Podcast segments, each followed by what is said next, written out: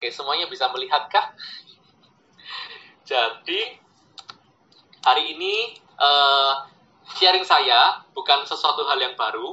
Jadi apa yang hari ini saya sharingkan itu uh, udah dari dari hari Minggu dan di hari Selasa juga di hari Rabu Pastor Philip ada IG uh, live IG streaming gitu ya. Jadi semuanya nggak ada yang baru. Jadi di CG kali ini hanya uh, selama CG online ini kita semua hanya akan merangkum dari khotbah-khotbah yang ada gitu ya. Karena satu minggu ini penuh dengan penuh dengan rema, penuh dengan eh, roti-roti uh, yang daripada pemimpin-pemimpin kita berikan. Jadi sangat uh, eman-eman kalau kita sampai ketinggalan, kalau kita sampai nggak nggak nggak mendapatkan uh, mana itu eman sekali gitu. Jadi uh, kita memang konsep CG online ini tidak ada sesuatu yang baru gitu ya. Iya, sila terima kasih ada hatinya. Ini siapa yang kasih ini ya? Rasaku kem ini. gitu. Oke, jadi uh, tidak ada yang tidak ada yang baru di sini kita hanya mereview apa yang ada gitu ya. Uh, Oke. Ken, ini tolong dihapus. Gimana apa kok bukan aku? Kamu. hmm. Apa aku gak ngapa-ngapain? Iya dah. Gimana itu? Uh, deh, sorry. Wait, wait, wait, wait. Iya, iya, sorry. Gimana ini ya? Sudahlah. Oke. Okay. Ya, hari ini aku akan bahas tentang Ayub gitu ya. Jadi setelah dari uh, hari Minggu kemarin, Pastor Philip kan membahas tentang Ayub pas uh, uh, berkat setelah krisis part yang kedua gitu. Jadi Ayub itu adalah orang yang orang yang mengalami uh, down ketika semuanya dia mengalami satu tekanan di satu masa dia kehilangan segala sesuatunya terus dia juga nggak hanya kehilangan harta benda tapi dia juga uh, kehilang uh, kehilangan kesehatannya gitu jadi dia sakit semua uh, bisa dilihat kayak di satu foto figura ini kayak bahkan teman-temannya aja itu datang kayak dengan mata yang sinis dan melihat Ayub itu kenapa kok Ayub itu uh, ada dosa apa yang Ayub lakukan kok bisa sampai Tuhan itu begitu murkanya sama sama dia gitu. Jadi uh, memang memang Ayub ini mengalami bukan hanya saja tekanan dari dari dari luar tapi juga dari dalam dirinya sendiri pun dia juga juga e, bertanya kepada Tuhan apa yang saya lakukan kok bisa sampai e, akhirnya dia itu e, berada di posisi yang begitu rendahnya gitu. Jadi di tema hari ini tetap mengusung tema di hari Minggu yaitu berkat setelah krisis gitu ya. Nah, Pastor Philip juga menyampaikan bahwa tidak ada iman yang instan. Jadi uh, ada waktu untuk menunggu. Jadi nggak hanya iman itu bukan sesuatu yang instan. Iman itu bukan bukan sesuatu yang uh, kayak pop mie gitu ya di masa air panas terus dalam tiga menit kita bisa makan. Tapi tapi iman itu juga perlu waktu, perlu perjuangan, perlu mempertahankan iman. Jadi itulah itulah kenapa kok kekristenan itu juga nggak bisa instan. Sama dengan halnya kita mengikuti Yesus. Nggak bisa, nggak cukup hanya satu kali kita menerima Yesus Kristus, kemudian seumur hidup kita nggak lakukan apa-apa, kita kita seperti kayak e, berfoya-foya, kita sudah terima keselamatan tanpa harus ada usaha lagi, itu nggak mungkin gitu. Karena iman itu di awal kita menerima Yesus itu adalah benih biji iman. Kita kita mengambil iman kita dan sudah menjadi tugas kita untuk kita itu menumbuhkan iman kita. Jadi selama hidup di dalam kekristenan kita itu perlu ada perjuangan, perlu ada waktu untuk untuk kita tuh menunggu hasil daripada iman kita yang kita tanam di pertama yaitu percaya kepada Yesus itu perlu waktu untuk iman itu bertumbuh sehingga menyelamatkan kita gitu ya. Jadi uh, seperti Pastor Philip uh, kemarin juga ada bilang bahwa Abraham itu mendapatkan janji Tuhan by faith and patience gitu ya. Ada ada uh, ada iman dan ada passion, ada kesabaran untuk kita tuh menjaga iman kita, untuk kita tuh melihat iman kita itu bertumbuh gitu. Ini quotes di hari Minggu. Oh ya, by the way, singkat cerita, uh, kalau misalkan hari Minggu, saya minta, saya himbau untuk setiap kalian itu juga uh, memberikan quotes gitu ya. Kalau misalkan kalian dapat apa, eh, kata-kata Pastor Philip yang merema di hari itu, nggak tentu di hari Minggu, mungkin di hari Rabu atau mungkin besok di hari Sabtu, kalian bisa share di grup, itu akan memberkati banyak orang, bukan kesaksian yang gimana gitu ya, tapi cukup kata-kata yang singkat pada jelas apa yang Pastor, Pastor Philip sampaikan, itu bisa memberkati banyak orang yang membaca gitu. dan juga tentunya itu bisa membuat uh, apa ya quotes-nya itu bisa kita pakai untuk di IG kita kita pakai untuk menjadi sumber berkat juga seperti kayak kalau misalkan ada slide PowerPoint gini kita bisa tampilkan uh, quotes-quotes yang ada di hari hari Minggu kemarin gitu dan dan di poin pertama uh, ada ada tujuh poin yang saya dapatkan dari dari Sunday Service kemarin Eh, nggak uh, tahu kalian mungkin mendapatkan lebih, mungkin mendapatkan kurang, tapi yang saya dapatkan ada tujuh gitu yang yang uh, highlight poin yang Pastor Philip sampaikan. Di poin pertama, uh, Pastor Philip sampaikan bahwa ada satu poin uh, poin pertama yaitu jangan menghakimi, cukup berkenan kepada Tuhan. Di Ayub 42 uh, pasal yang ketujuh, di mana dikatakan bahwa setelah Tuhan mengucapkan firman itu kepada Ayub, maka firman Tuhan kepada Elias orang teman murkaku menyala terhadap engkau dan terhadap kedua sahabatmu, karena kamu tidak berkata benar tentang aku. Jadi uh, ceritanya di sini adalah teman-teman Ayub itu seperti menghakimi Ayub gitu ya, padahal kita ini nggak boleh seharusnya saling menghakimi. Nah, hakim itu tidak tidak seorang pun daripada kita tuh yang menjadi hakim. Hakim itu hanyalah Tuhan Yesus Kristus saja yang menjadi hakim kehidupan kita. Jadi selama kita hidup, jangan sampai kita mengambil posisi hakim.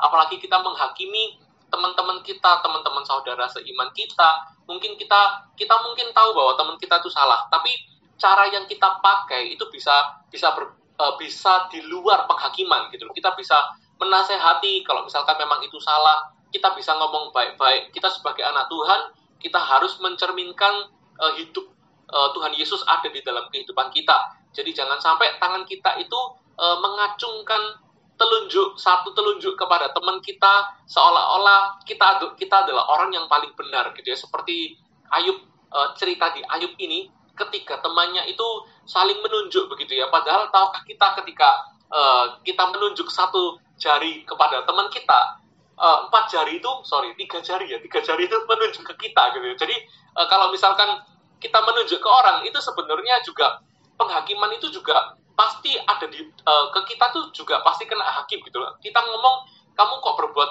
begitu padahal kita pun juga mungkin melakukan hal yang ya hal yang sama. Mungkin aja kita tidak ketahuan tapi teman kita kita ketahuan gitu. Jadi kita nggak boleh menyalahkan teman kita atau menghakimi orang lain karena diri kita belum tentu sempurna, diri kita belum tentu benar.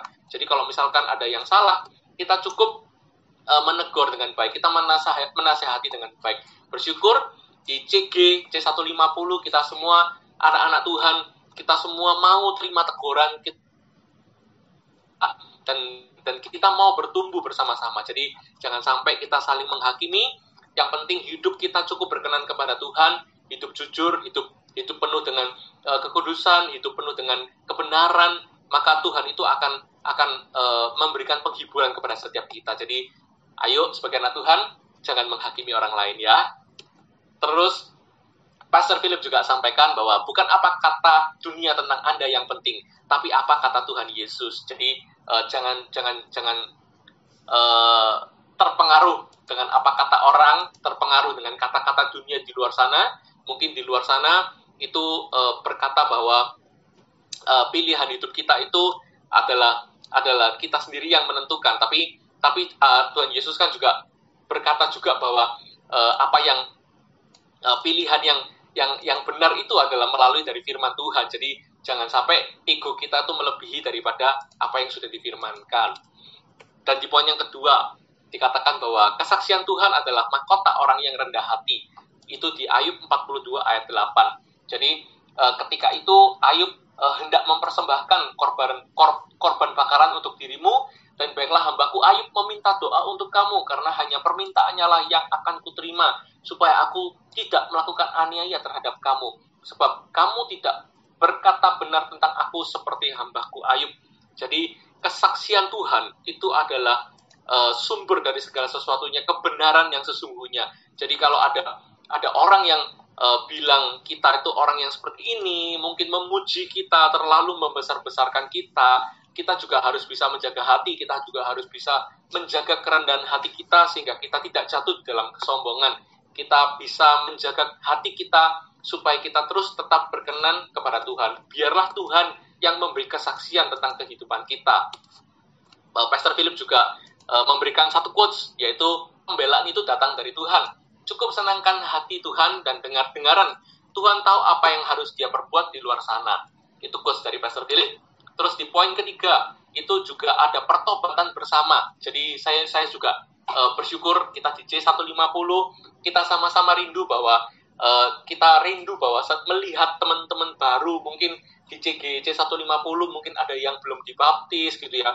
Kita tuh membiasakan diri kalau misalkan ada teman yang teman CG mungkin kita nggak kenal dan dia mau memberikan diri untuk dibaptis gitu ya. Kita selalu membiasakan diri untuk ayo kita ikut sama-sama merayakan. Kita akan datang di jam di mana dia akan dibaptis gitu. Itu untuk supaya kita tuh kayak kayak menghargai bahwa kita juga mungkin bukan di posisi yang dibaptis, tapi ketika kita melihat ada satu jiwa uh, dibaptis bersama-sama, itu seperti seakan-akan kita yang melihat juga terharu gitu. Kita juga mungkin mengalami pertobatan yang bersama-sama gitu. Kita juga mengalami uh, satu keluarga ketika satu keluarga kita menerima keselamatan, semua tuh seperti kayak bersorak-sorai gitu. Jadi jadi ya bersyukur untuk CGC 150 saya percaya bahwa semuanya kalian juga pernah ngalami ya, pernah pernah ikut kebaptisan, ngelihat teman kita semua uh, ngelihat satu persatu dari teman kita C150 dibaptis, kita juga nggak kita juga mungkin bukan orang yang hari itu nyemplung di di kolam, tapi kayak seperti ya atas keselamatan yang mereka terima gitu. Dan di uh, Pastor Philip juga sampaikan bahwa jangan benci siapa-siapa, jangan mendendam, jangan kepahitan, sebab yang rugi ya Anda sendiri kalau kalau kita kalau kita menyimpan dendam, kalau kita menyimpan kepahitan, ya sebenarnya yang rugi itu ya paling rugi itu adalah kita sendiri gitu. Kita hidup dalam uh, jerat hati yang nggak bebas, kita hidup di dalam uh, di dalam pikiran yang membenci seseorang, kita hidup di dalam uh, apa ya di dalam uh, gundah gulana, mungkin perasaan yang perasaan yang nggak bisa tidur nyenyak, mungkin memikirkan hal-hal yang pahit tentang orang lain, kita sendiri kok yang rugi untuk untuk kita nggak bisa mengalami kebebasan itu sendiri. Jadi hari ini kalau ada kalian teman-teman mungkin yang merasa bahwa ya ya aku kok selama ini mungkin kepahitan sama CG atau mungkin kepahitan sama seseorang di dalam CG atau mungkin kepahitan sama gereja gitu ya. Jangan-jangan kita tuh uh, kepahitan gitu loh. Ayo lepaskan semuanya uh, semuanya itu jangan dilihat uh, apa ya? Jangan melihat gerejanya, jangan melihat orangnya tapi lihatlah Tuhan itu bekerja di dalam gereja kita. Lihatlah bahwa uh, kita tuh datang ke gereja bukan untuk cari orang. Kita tuh memang betul ya uh, pemimpin itu akan mempengaruhi. Tapi kita datang di gereja itu benar-benar dengan hati yang tulus kita cari hadirat Tuhan. Itu. Terus di poin yang keempat juga Pastor Philip menyampaikan adalah mendoakan orang lain adalah awal pemulihan.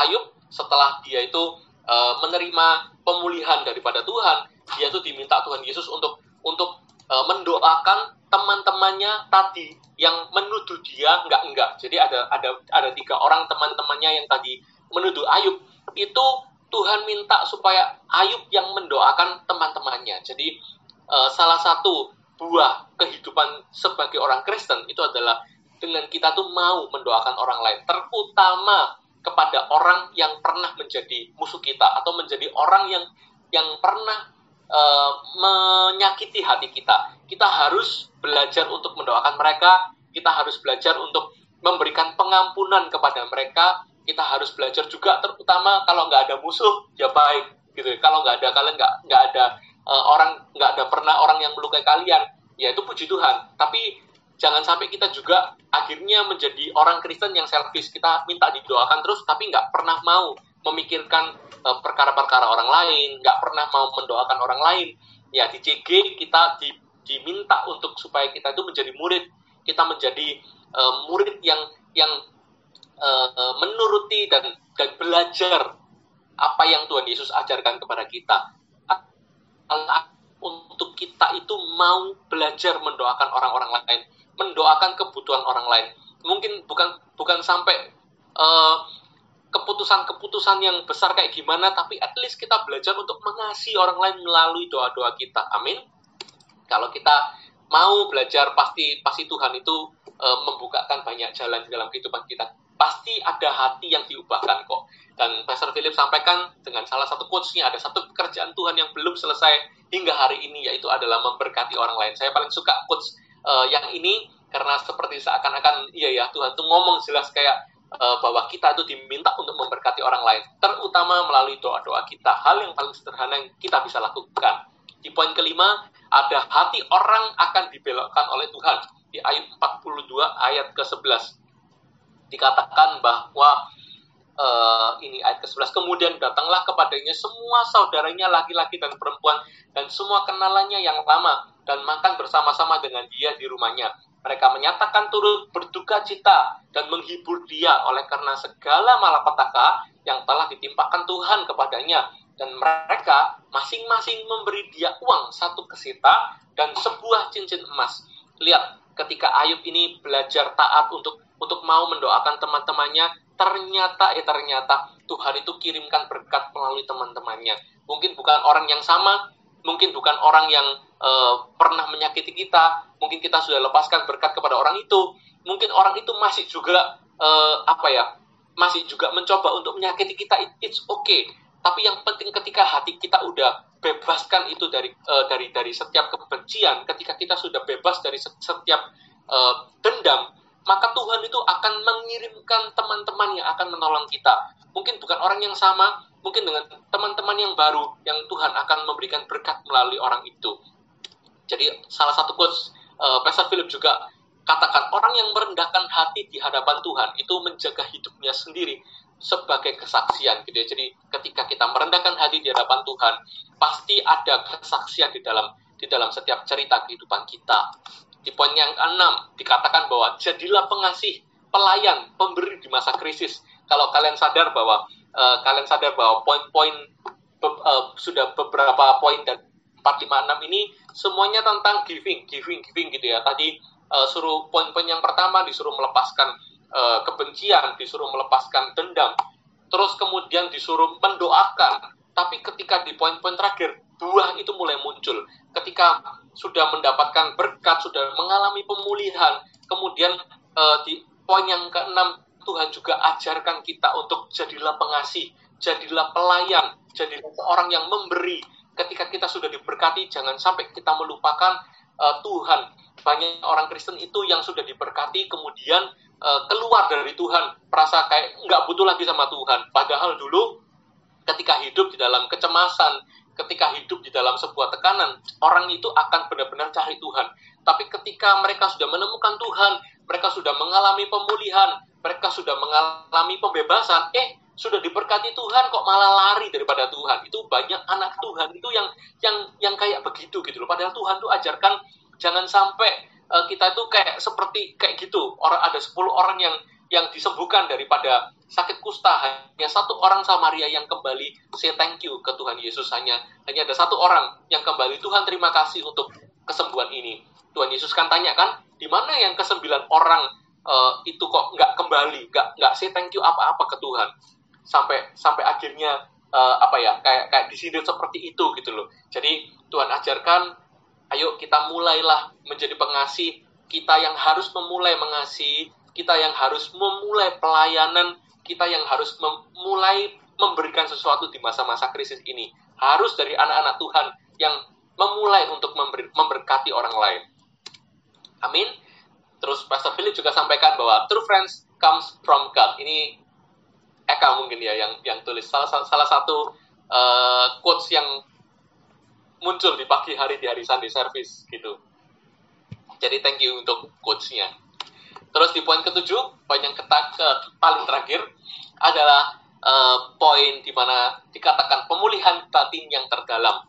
Jadi batin kita itu juga akan ikut dipulihkan. Di Ayub 42 ayat ke-13 dikatakan bahwa ia juga mendapat tujuh orang anak laki-laki dan tiga anak perempuan.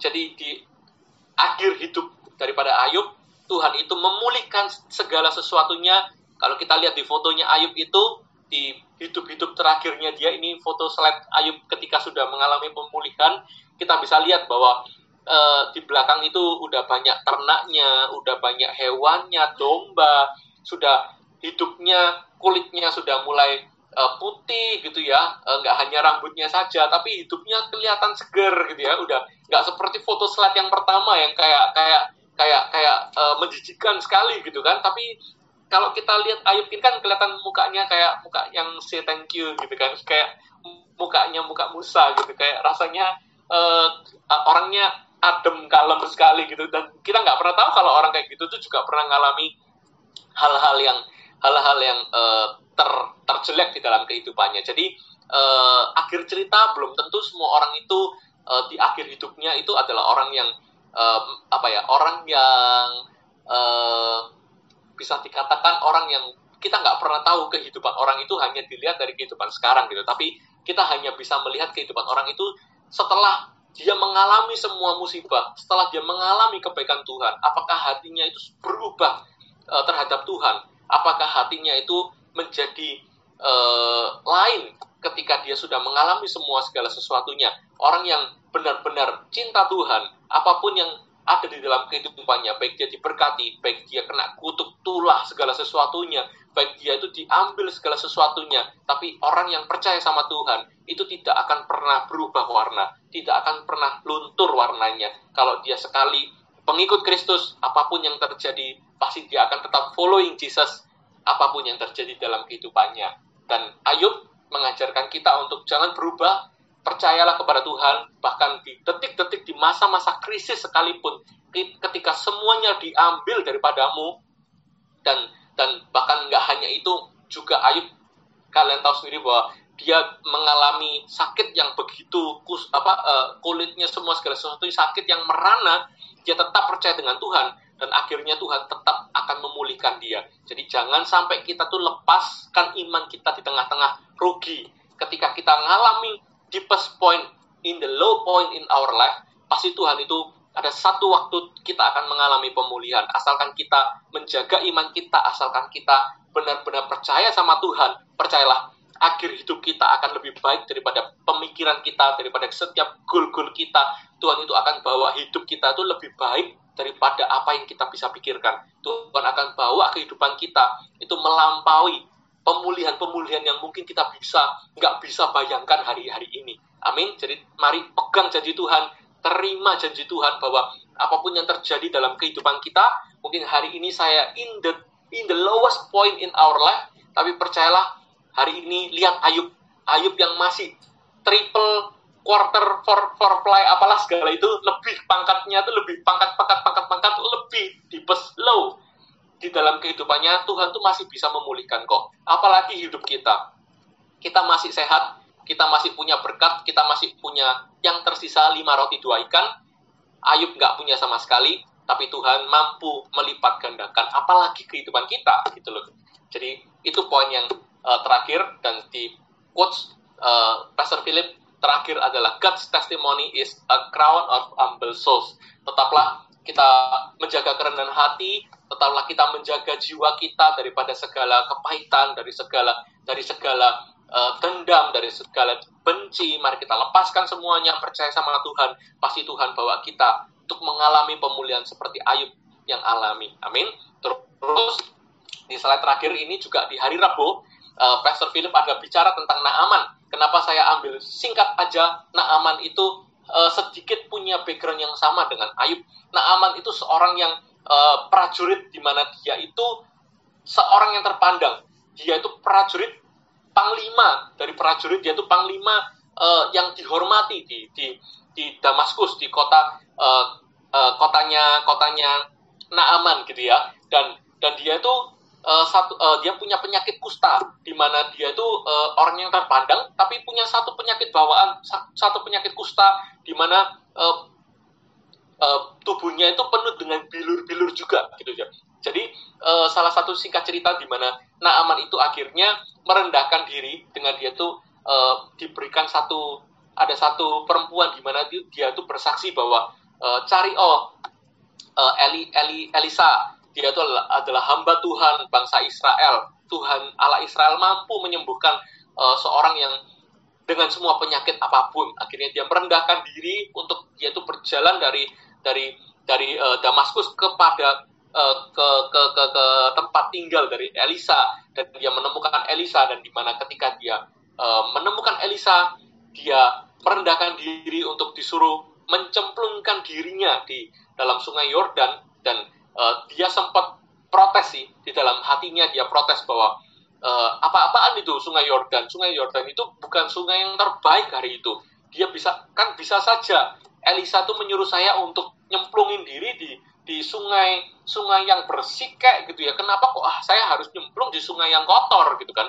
Akhirnya tapi uh, dibujuk sama uh, sama prajuritnya teman-temannya di kanan kiri. Puji Tuhan dia punya teman yang yang bisa merayu dia untuk sudahlah percayalah saja. Akhirnya anak Aman memberanikan diri untuk menyemplungkan dirinya di di sungai Yordan. Akhirnya terjadi kesembuhan. Dan singkat cerita itu uh, ada dua poin di mana Ayub dan Naaman ini punya satu satu garis uh, benang merah di mana ketika Ayub merendahkan diri ada satu mujizat terjadi yaitu dia menerima pemulihan. Dan Naaman juga ketika dia merendahkan diri mujizat terjadi dia menerima kesembuhan. Jadi hari ini mari kita sama-sama merendahkan hati, merendahkan hati, mari kita sama-sama juga uh, merendahkan hidup kita kepada Tuhan, percaya bahwa Tuhan itu Allah kehidupan kita, percayalah bahwa pemilik kehidupan kita itu adalah Tuhan Yesus yang mempunyai kehidupan kita. Ketika kita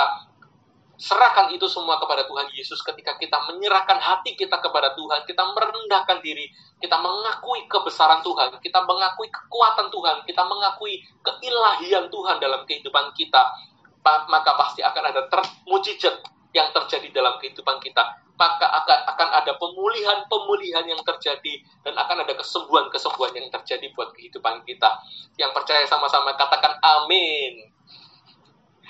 Yes. Uh, itu aja sharingnya. Jadi seperti di gambar uh, ini lukisan painting dari Pastor Philip, di mana uh, ketika itu Tuhan Yesus di di baptis ya, di, di baptis di, di Sungai Yordan, sungai yang sama ketika uh, Naaman itu menyemplungkan dirinya dan dan ternyata ribuan tahun setelah itu sungai yang sama dipakai oleh Tuhan Yesus untuk untuk dibaptis di dalam uh, sungai Yordan itu dan, dan ada muncul uh, seekor burung merpati ketika Tuhan Yesus dibaptis di situ uh, Tuhan Yesus juga melakukan hal yang sama dengan Ayub dan Naaman Tuhan Yesus itu adalah Tuhan tapi dia memilih untuk merendahkan hatinya dia memilih untuk merendahkan uh, martabatnya sebagai ketuhanan, dia lepaskan itu dan dia mau menjadi manusia dan dia mau dibaptis sama seseorang. Padahal Tuhan Yesus itu seharusnya membaptis orang-orang bukan, tapi Tuhan Yesus memberikan diri dibaptis. Dia mau merendahkan diri, dia mau masuk ke kolam, dia mau uh, didorong gitu masuk ke kolam, dicemplungin kasarannya gitu di sungai yang kotor yang Naaman pun waktu itu nggak mau dimasukin di sana. Jadi Tuhan Yesus pun merendahkan hatinya dan dia menerima mujizat sehingga Bapa memuliakan dia. Itu aja sih sharingku hari ini. Semoga uh, memberkati